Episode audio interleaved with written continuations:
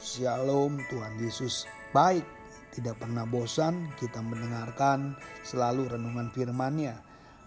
Tema saya hari ini berbicara tentang bertanggung jawab terhadap perkataan kita yang saya ambil dalam Matius 12 ayat 36 yang berbunyi demikian. Tetapi aku berkata kepadamu, setiap kata sia-sia yang diucapkan orang harus dipertanggungjawabkan pada hari penghakiman.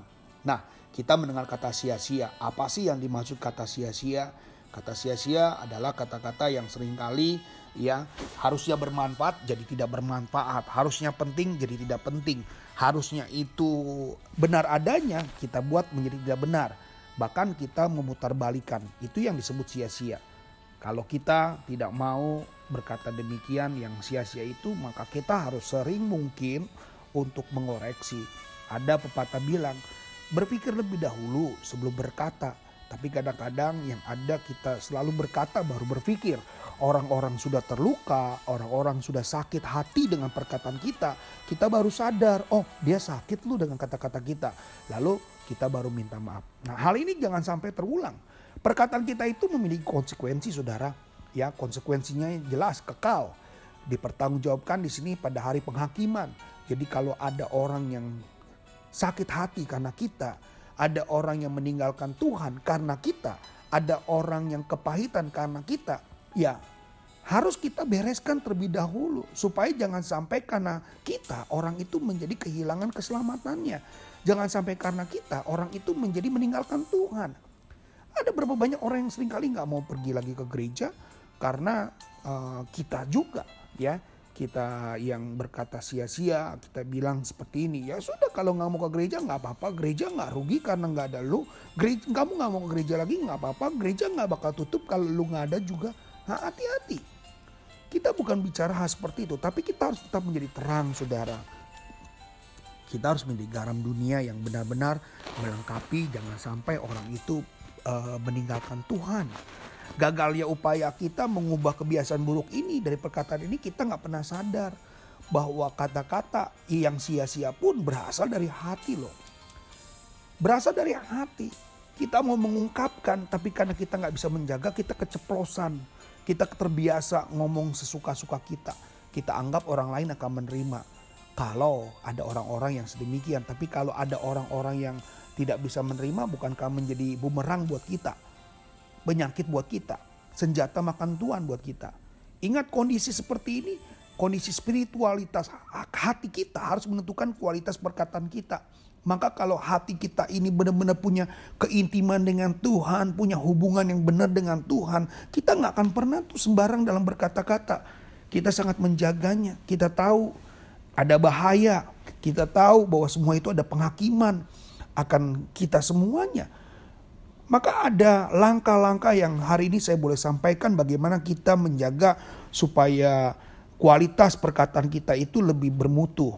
Kualitas perkataan kita itu bisa lebih terjaga. Yang pertama adalah ingat bahwa hati adalah sumber perkataan. Ingat ya, hati adalah sumber perkataan. Jadi kalau hatimu beres ya pasti kata-katamu juga beres kalau hatimu positif, keluar kata-kata juga pasti positif. Maka kalau ketika kita lagi sedang uh, yang kondisi yang nggak baik, ajak aja perkataan kita. Jangan sampai orang sakit hati karena kita.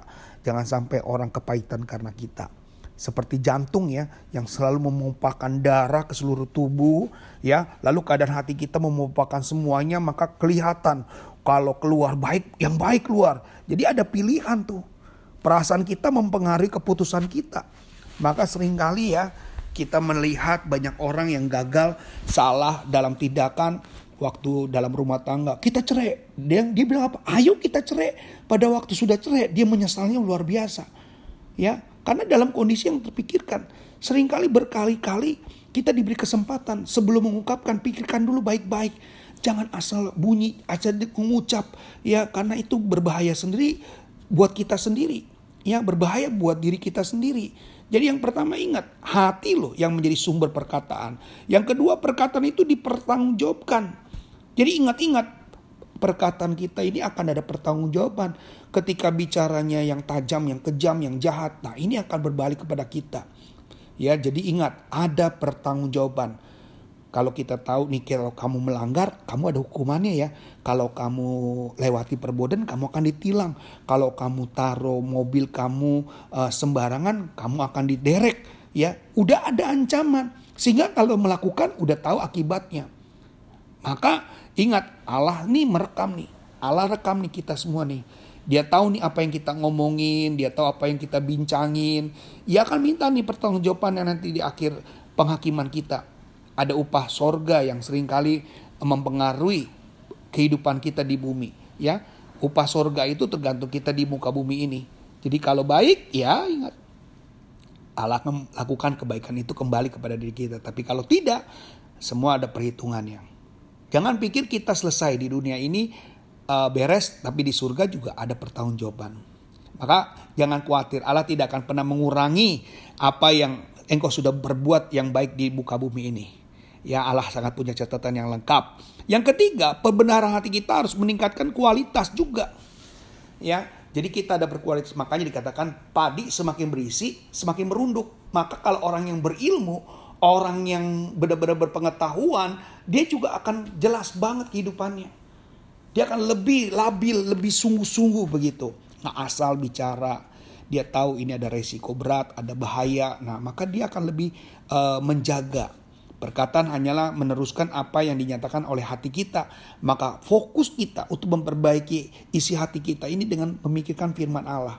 Jadi ada firman dalam mulut kita. Ada firman yang hidup dalam perkataan kita. Supaya ya tadi ada hal-hal yang baik ya minimal ya kita waktu kita merenungkan firman Tuhan itu proses untuk mendapatkan saripati firman ataupun nutrisi hati kita yang waktu kita mendekat dengan Tuhan akan memaksimalkan kekuatan Allah dalam hidup kita. Dia akan menyempurnakan dengan sendirinya. Daniel semakin berkhidmat karena dia semakin melekat dengan Tuhan. Daniel dikatakan orang yang berpengetahuan karena dia melekat dengan Tuhan dengan sungguh-sungguh. Jadi apabila kita memiliki waktu reguler dengan Tuhan, memeriksa kondisi spiritual rohani kita, langkah apa yang harus kita ambil? Tetap kualitas perkataan kita. Orang bijaksana itu dari perkataannya lo yang didilai. Orang yang hebat, orang yang ya lihat orang-orang berpangkat, orang-orang yang punya jabatan, perkataannya itu sangat bermutu sekali. Dia bukan lagi seperti dulu. Ya, dia sangat berjaga-jaga, dia sangat pelan dan dia sangat hati-hati sekali. Maka saya bertanya, eh saya percaya, saudara-saudara yang hari ini mendengar, mulailah kalau kita mulai bicara kemarin-kemarin yang buruk-buruk, yang kurang baik, ingat semua itu ada pertanggungan jawab. Maka belajarlah jujur, belajarlah positif, belajarlah dengan baik supaya kita terus memuliakan Tuhan bukan hanya hari ini tapi selama-lamanya. Tuhan Yesus memberkati. Shalom.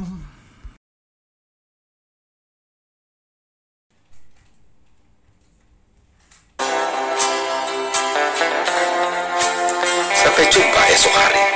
Kiranya damai sejahtera dari Allah Bapa, kecintaan dan kasih karunia Tuhan kita Yesus Kristus, persekutuan serta penghiburan dari Roh Kudus menyertai kita sekalian mulai hari ini sampai Maranatha Tuhan Yesus datang. Amin.